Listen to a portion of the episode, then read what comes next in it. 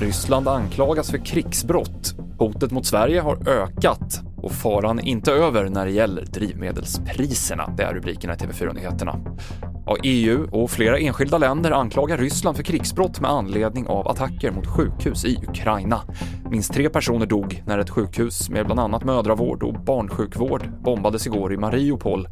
Världshälsoorganisationen WHO har bekräftat 18 ryska anfall mot olika vårdinrättningar sedan invasionen inleddes. Finlands president Sauli Niinistö kommer att ringa Rysslands president Vladimir Putin imorgon, rapporterar finländska medier. På en pressträff idag så ville Niinistö inte avslöja vad de kommer att prata om. Vi fortsätter med det svenska försvarets pressträff om säkerhetsläget och kriget i Ukraina. Hotet mot Sverige har ökat eftersom EUs och NATOs beslutsamhet gentemot Ryssland gör att det finns en risk för ryska motreaktioner. Det säger Försvarsmaktens insatschef Mikael Claesson. I den ryska verktygslådan så finns bland annat påverkansoperationer, misskreditering av viktiga personer, cyberangrepp, sabotage med mera.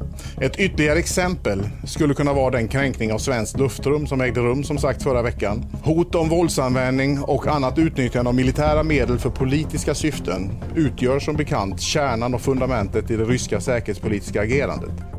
Mer från dagens pressträff på tv4.se. Och efter den senaste tidens jättehöjningar av priserna på bensin och diesel så föll de båda tillbaka något idag när världspriset på olja gick ner.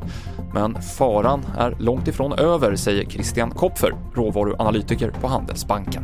Nej, men det är för tidigt att andas ut. Det är fortfarande väldigt osäkra, osäkert läge.